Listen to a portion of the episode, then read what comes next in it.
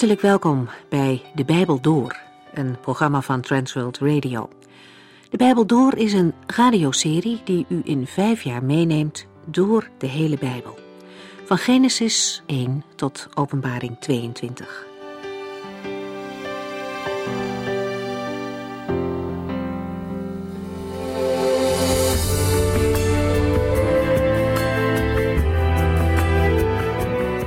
We zijn nog bezig in het boek Handelingen, in hoofdstuk 20, en daar bevindt Paulus zich in Troas. Hij staat op het punt om verder te reizen, maar hij spreekt nog een avond lang met de christenen. Ze breken samen brood op de eerste dag van de week. Onder de christenen is deze dag bijzonder geworden, omdat hij herinnert aan de opstanding van de Heer Jezus, die ook op de eerste dag van de week plaatsvond. De avond duurt lang en waarschijnlijk is het benauwd geweest vanwege de vele olielampen die branden. En op een gegeven moment valt een jongen, die in de vensterbank zit, in slaap. Hij valt van drie meter hoog naar beneden en hij overleeft zijn val niet. De Heere gebruikt Paulus echter om de jongen weer levend te maken. En opnieuw wordt zichtbaar dat de Heere een God van leven is en alle macht heeft. De aanwezigen zijn buitengewoon bemoedigd. En Paulus gaat weer verder op reis. Zijn doel is Jeruzalem, ook al weet hij dat het hem lijden en gevangenschap zal brengen. Het is de Heilige Geest die hem dat duidelijk gemaakt heeft, maar toch houdt dat Paulus niet tegen. De apostel heeft zijn leven immers beschikbaar gesteld voor de dienst aan de Heer Jezus. En zijn levensdoel is niet om het zo goed mogelijk te hebben of een aangename oude dag te krijgen. Nee, Paulus wil de opdracht die de Heere hem gegeven heeft zo goed mogelijk uitvoeren. Hij is er helemaal op gericht om altijd en overal de naam van Jezus Christus bekend te maken. Om de redding door de kruisiging en de opstanding van Jezus te verkondigen en om gelovigen te bemoedigen in het geloof. Als Paulus in Mileten is, nodigt hij ook de oudste van Efeze uit. En hij spreekt hen toe als een vader. Het is de laatste keer dat ze elkaar zullen ontmoeten en daarom wil de apostelen hen nog één keer op het hart drukken om goed over de gemeente te waken. Hij waarschuwt hen voor de mensen die zullen komen en de woorden van God zullen verdraaien. En als oudste zijn zij daar in het bijzonder voor verantwoordelijk. Zij moeten leerlingen die tegen de Bijbel ingaan onderkennen en tegenhouden, zodat die valse leerlingen niet in de gemeente komen, waardoor mensen God kunnen kwijtraken. Als Paulus met hen gebeden heeft, nemen ze bedroefd afscheid en ze brengen hem naar het schip. Wij reizen vandaag verder mee met het gezelschap richting Jeruzalem. Handelingen 21.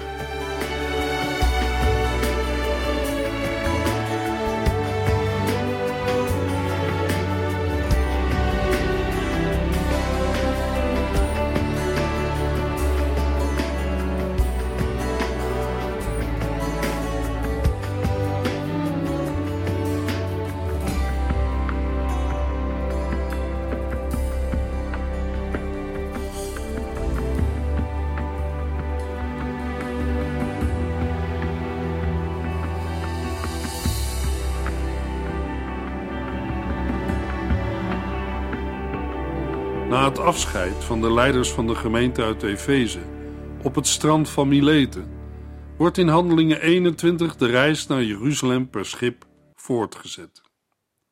Handelingen 21, vers 1 en 2. Na het moeilijke afscheid van de christenleiders uit Efeze kozen wij zee en zeilden in één ruk naar het eiland Kos. De volgende dag voeren wij naar Rodos en vandaar naar Patara. Daar vonden wij een schip dat naar de Syrische provincie Venetië zou oversteken. Wij gingen aan boord. De wij in vers 1 zijn Paulus, de in Handelingen 20 vers 4 genoemde personen, en Lucas. Het afscheid van de christenleiders uit Efeze is moeilijk geweest. Het ging gepaard met heftige emoties. Het schip zet regelrecht koers naar het eiland Kos dat bij de provincie Azië behoort. De volgende dag gaat de reis naar het ten zuidoosten van Kos gelegen Rodos, Rozeneiland, met aan de noordkust de gelijknamige havenstad. Van Rodos vaart het schip in oostelijke richting naar Patara, dat aan de zuidkust van de provincie Lycië ligt, op het vasteland van Klein-Azië. Patara fungeerde samen met het 80 kilometer oostelijk gelegen Mira als vertrekpunt van grotere zeeschepen naar Syrië en de kust van Noord-Afrika, vooral Egypte. Handelingen 21, vers 3. In Patara vonden wij een schip dat naar de Syrische provincie Venetië zou oversteken. Wij gingen aan boord en zeilden langs Cyprus, dat in de verte aan bakboord lag, en kwamen in Syrië, waar wij de haven van Tyrus binnenliepen. Daar moest het schip worden gelost. In Patara wordt van schip gewisseld. In een drukke havenstad als Patara is zo'n schip snel gevonden. En gelet op de vaarroute moet het een behoorlijk groot schip zijn geweest. Kleinere schepen voeren uitsluitend onder de kust van Klein-Azië. Het gezelschap gaat aan boord en het schip vertrekt met bestemming Venetië. De afstand over zee, ongeveer 650 kilometer, kan, afhankelijk van de wind, in vijf tot zeven dagen worden afgelegd. Venetië is het langwerpige kustgebied van Libanon ten noorden van Israël en behoort bij de Romeinse provincie Syrië. Het heeft als belangrijkste plaatsen de havensteden Tyrus, Sidon en Ptolemaïs. Na enige tijd komt Cyprus in zicht, het eiland dat Paulus samen met Barnabas en Johannes Marcus op de eerste zendingsreis heeft bezocht. Het schip vaart niet als kleine schepen ten noorden van Cyprus langs het vasteland, maar vaart er aan de zuidwestkant omheen. Vandaar de mededeling dat de bemanning en het reisgezelschap het eiland aan hun linkerhand zien liggen. Het schip vaart Cyprus voorbij omdat de lading aan boord bestemd is voor Tyrus. Tyrus is een belangrijke stad. De stad die in vroeger tijden zeer rijk was, werd in 332 voor Christus volledig door Alexander de Grote verwoest. Wegens de gunstige ligging is de stad later weer herbouwd. Aan Tyrus was in 64 voor Christus door Pompeius zelfbestuur verleend. Het was een handelscentrum bij uitstek, bezat een grote handelsvloot en was de exporthaven van met name in purper geverfd textiel, hout, glas en metalen voorwerpen, variërend van ijzer tot goud. In Tyrus verlaten Paulus en zijn metgezellen het schip en gaan aan land. Handelingen 21, vers 4. Eenmaal aan land vonden wij christenen en bleven een week bij hen. Geleid door de Heilige Geest zeiden zij tegen Paulus dat hij maar niet naar Jeruzalem moest gaan. Het evangelie was in Tyrus ooit verkondigd door vluchtelingen uit Jeruzalem. Misschien heeft Paulus er vanuit Antiochië ook zelf gewerkt. Paulus en zijn medereizigers vinden er gelovigen. De christenen van Tyrus komen met een woord voor Paulus.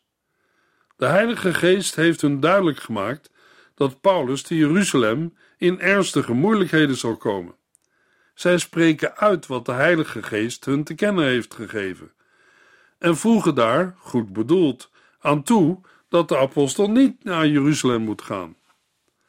Uit de Griekse grondtekst blijkt dat de christenen in Tyrus wel goed hebben geluisterd naar wat de Heilige Geest hen zei, maar daaruit hun eigen conclusie hebben getrokken.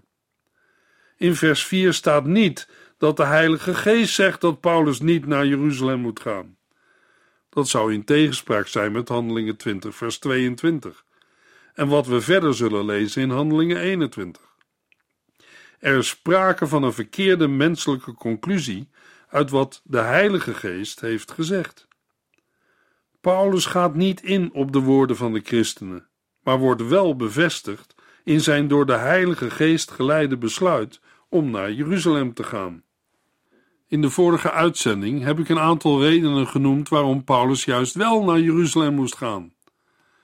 Bij vers 4 van Handelingen 21 wil ik nog een andere reden noemen. Toen Paulus in Rome in de gevangenis zat, stuurde de gemeente van Filippi hem hun liefdegave als uiting van hun meeleven. Paulus schreef hen terug: Ik wil u graag laten weten, beste vrienden, alles wat mij hier is overkomen, heeft ertoe bijgedragen dat het goede nieuws over Jezus Christus beter bekend werd. Verder had de Heer al aan Ananias laten weten: Ik heb besloten die man te gebruiken. Ik heb hem uitgekozen om mij bekend te maken aan andere volken en hun koningen, en ook aan het volk van Israël. Ik zal hem duidelijk maken hoeveel leed hij voor mij moet doorstaan. Tot nu toe is Paulus nog niet voor koningen en heersers verschenen, maar dat gaat in het vervolg van handelingen wel gebeuren. Paulus zal voor koning Agrippa getuigen. Hij heeft waarschijnlijk ook voor de Romeinse keizer Nero gestaan. We weten zeker dat hij mensen heeft bereikt die in dienst van de keizer waren. De Filippenzen krijgen vooral de groeten van hen die bij de keizer in dienst zijn. Ten slotte, Paulus schrijft in 2 Timotheus 4, vers 7: Ik heb de goede strijd gestreden, de wedloop tot het einde gelopen, het geloof behouden. Het werd aan het eind van zijn leven geschreven. Dat zijn geen woorden van iemand die tegen de wil van de Heilige Geest in naar Jeruzalem is gegaan. Handelingen 21, vers 5 en 6. Maar toen onze tijd erop zat, gingen wij weer op reis. De hele gemeente, vrouwen en kinderen inbegrepen, deed ons uitgeleide op het strand. Daar knielden wij neer en baden met elkaar. Nadat we afscheid hadden genomen, gingen wij aan boord van het schip en keerden zij terug naar huis. Het verblijf in Tyrus duurt zeven dagen. Blijkbaar is de reis over zee voorspoedig verlopen, waardoor er nog voldoende tijd over is om tijdig op het Pinksterfeest in Jeruzalem te zijn. Paulus wordt vol liefde en respect uitgeleide gedaan door alle gelovigen met hun gezinnen. Op het strand, de smalle strook zand buiten de stadsmuur, waar het rustig is, knielen zij neer en bidden met elkaar. Allen zijn er zich van bewust dat de apostel een moeilijke tijd tegemoet gaat en dat ze hem misschien niet meer zullen terugzien. Dan volgt het afscheid. Naast de mannen worden ook de vrouwen en kinderen genoemd. Het wijst op de hartelijke en liefdevolle band tussen Paulus en de christenen uit Tyrus. Handelingen 21, vers 7. De volgende haven die we aandeden was Ptolemaïs. Daar brachten we de christenen een bezoek, maar bleven slechts één dag. Van Tyrus vaart het schip naar het zuiden en arriveert in de meest zuidelijk gelegen havenstad van Venetië, Ptolemaïs. Een reis van ongeveer 60 kilometer. De oorspronkelijke naam van het vestingstadje was Akko, rechters 1 vers 31. Maar de stad werd later genoemd naar de Egyptische koning Ptolemaïs. In deze stad hebben Paulus en de zijnen één dag doorgebracht bij de plaatselijke christenen. Handelingen 21 vers 8. Daarna gingen we naar Caesarea en logeerden bij de evangelist Filippus, een van de eerste zeven helpers in de gemeente van Jeruzalem. Het gezelschap vertrekt de volgende dag naar Caesarea. De stad ligt in Israël, in de provincie Judea. Het is een stad met een Romeins garnizoen en de residentie van de stadhouder. Petrus heeft er het evangelie aan de Romeinse hoofdman Cornelius verkondigd. Paulus is al eerder in deze stad geweest en zal er binnenkort langere tijd doorbrengen, maar dan als gevangene. Blijkbaar is Filippus in staat om het gezelschap onderdak te verschaffen, want Paulus en de andere broeders worden gastvrij ontvangen en verblijven enkele dagen in zijn huis. Handelingen 21, vers 9. Deze broeder had vier ongetrouwde dochters, die vaak woorden van God doorgaven en dus profetessen waren. Filippus heeft vier profeterende dochters. Het betekent dat zij profetische gaven hebben. Door een profeet of profetes spreekt de Heilige Geest opbouwend, vermanend en bemoedigend tot gelovigen en de gemeenten. De dochters van Filippus waren ongehuwd. Ze werden niet in beslag genomen door de zorg voor hun gezin en konden zich daardoor volledig geven aan het werk van God. Handelingen 21, vers 10 en 11. Wij waren daar al enkele dagen toen Agabus, een profeet uit Judea, arriveerde. Hij stapte op ons toe, pakte de riem van Paulus en bond zichzelf ermee vast. Luister naar de woorden van de Heilige Geest, zei hij. Zo zullen de Joden in Jeruzalem de eigenaar van deze riem vastbinden en aan de Romeinen uitleveren. Het valt op hoe de hele reis van Paulus naar Jeruzalem door woorden en openbaringen van de Heilige Geest wordt omgeven. De zendingswerkers die gastvrijheid genieten in het huis van Filippus krijgen tijdens hun verblijf ook bezoek van een profeet.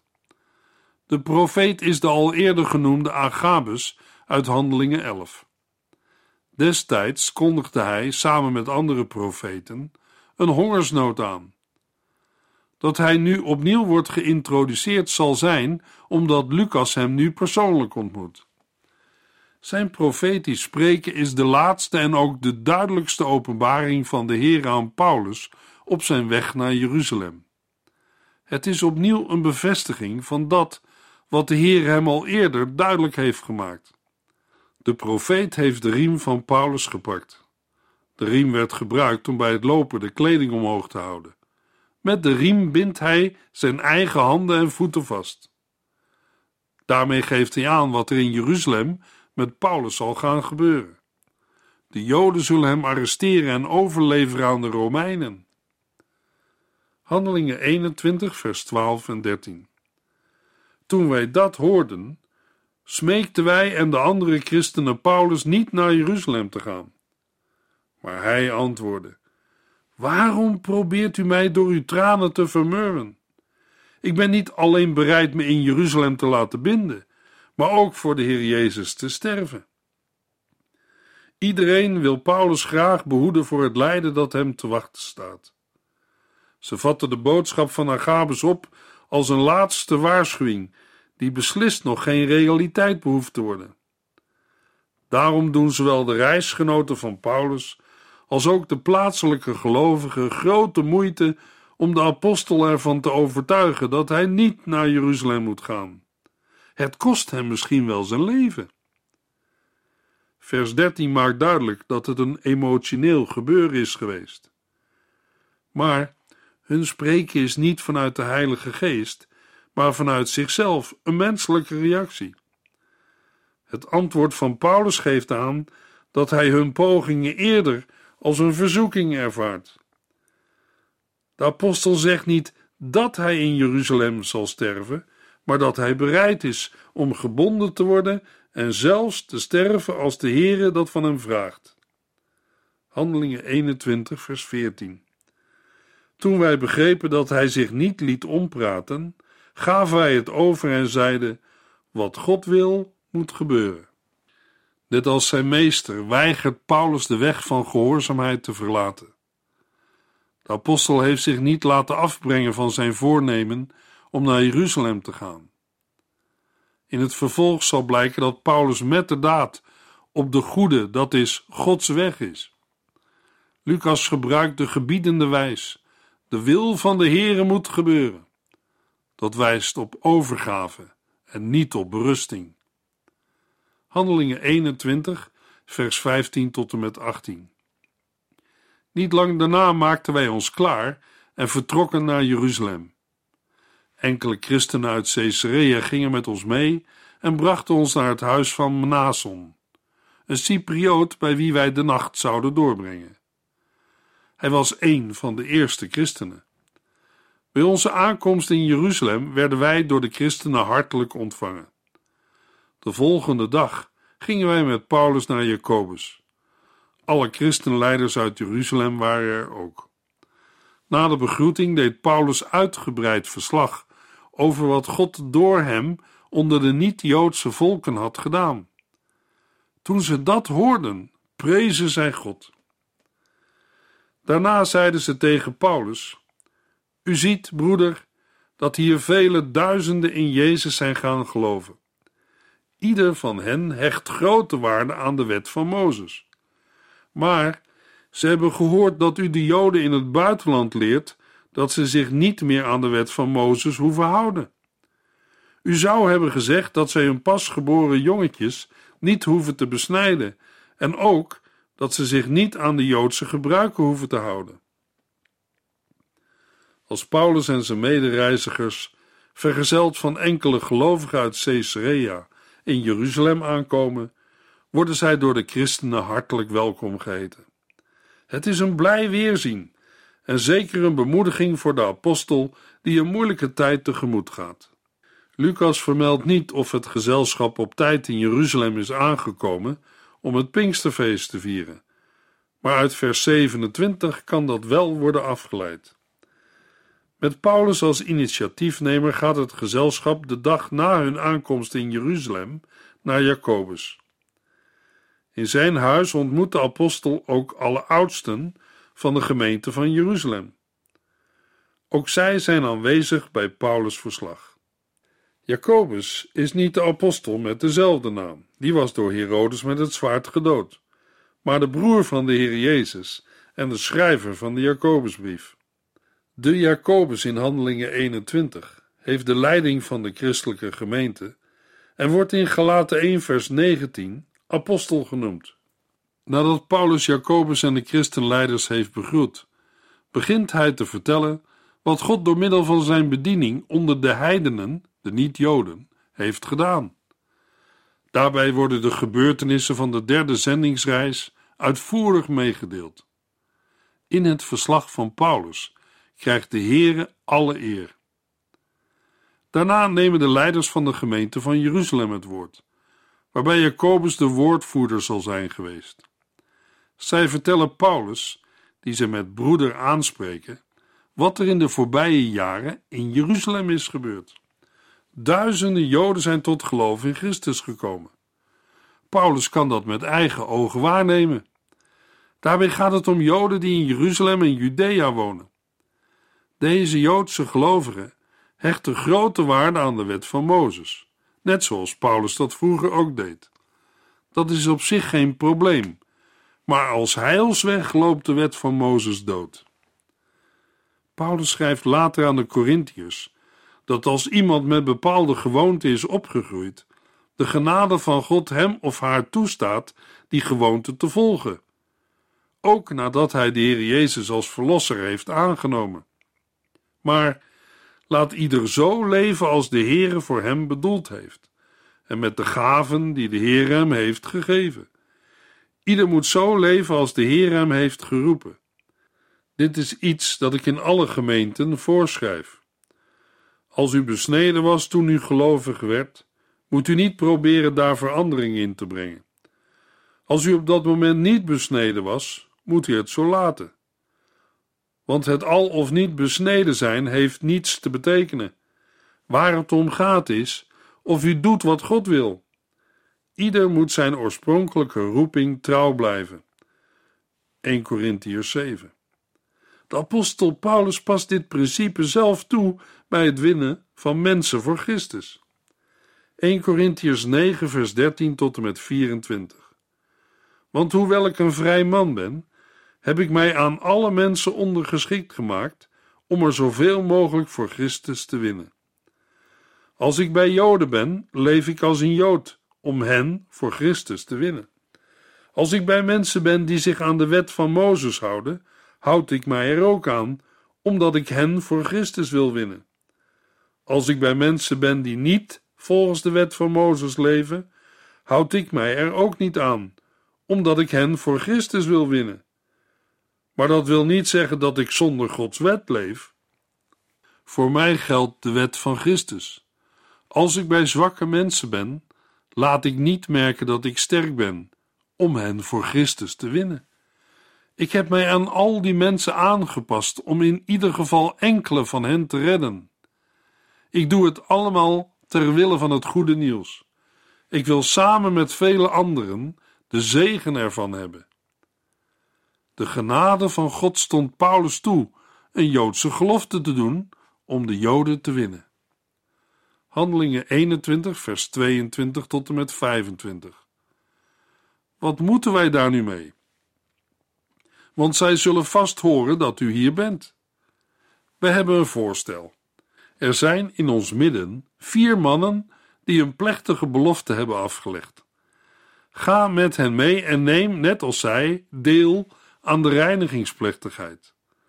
Laat op uw kosten hun haar knippen, dan zullen alle mensen in de stad weten dat het niet waar is wat over u wordt gezegd, maar dat u zelf trouw leeft volgens de wet van Mozes. Maar wat de christenen uit de niet-Joodse volken betreft, we hebben hun in een gezamenlijke brief geschreven dat zij niet mogen eten of drinken wat aan afgoden is geofferd. Ze mogen geen vlees eten waar nog bloed in zit en ook geen bloed drinken. Ook mogen zij geen hoererij plegen. Gelovig geworden Joden hebben informatie ontvangen dat Paulus Joden die in een heidense omgeving wonen, leert dat zij hun kinderen niet meer behoeven te besnijden en ook niet langer naar de door de wet voorgeschreven regels behoeven te leven. Maar die informatie klopt niet. Nergens leert Paulus dat Joodse gelovigen hun Joodse levenswijze moeten opgeven. Jacobus en de christenleiders doen Paulus een voorstel in de vorm van een dringend advies. Om iedereen duidelijk te maken dat de verhalen over hem onjuist zijn, moet de apostel laten zien dat hij de wet van Mozes niet opzij heeft geschoven. Dat kan nu heel concreet, want er zijn in de gemeente van Jeruzalem vier mannen die vrijwillig een gelofte op zich hebben genomen. De reden waarom zij die gelofte op zich hebben genomen, vermeldt Lucas niet. Het ligt het meest voor de hand om te denken aan een Nazireër-gelofte, ook omdat het afscheren van het haar te sprake komt. Wat moet Paulus nu doen? Hij moet de vier mannen meenemen naar de tempel om zich samen met hen te reinigen. Een daad waaruit iedere Jood zal weten en concluderen dat Paulus wel degelijk de wet van Mozes in acht neemt en in ere houdt. Bovenal dat wat er van hem wordt verteld niet waar is. Paulus legt deze gelofte niet af omdat het hem als een wet wordt opgelegd. Hij doet het om deze mensen voor Christus te winnen. In de volgende uitzending lezen we hoe het verder gaat. Handeling 21 vers 26 tot en met 22 vers 30.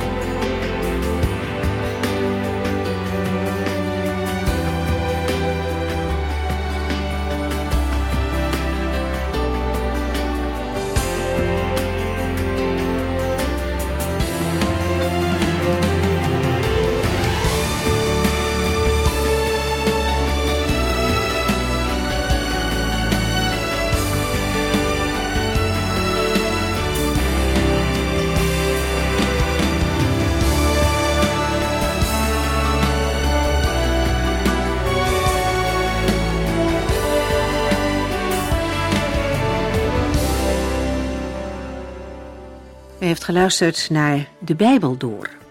In het Nederlands vertaald en bewerkt door Transworld Radio. Een programma waarin we in vijf jaar tijd de hele Bijbel doorgaan. Als u wilt reageren op deze uitzending of u heeft vragen, dan kunt u contact met ons opnemen. Tijdens kantooruren kunt u bellen op 0342 47 8432. 0342 47 8432. 32. Ook kunt u een e-mail sturen naar de Bijbel door transworldradio.nl en natuurlijk kunt u ook via de post ons bereiken. TWR, postbus 371, postcode 3770, AJ in Barneveld. Dit programma werd gepresenteerd door Cor Weda en Ike André. Techniek was in handen van Odin van Woerdekom. En wij allemaal bedanken u voor het luisteren. Graag tot de volgende keer.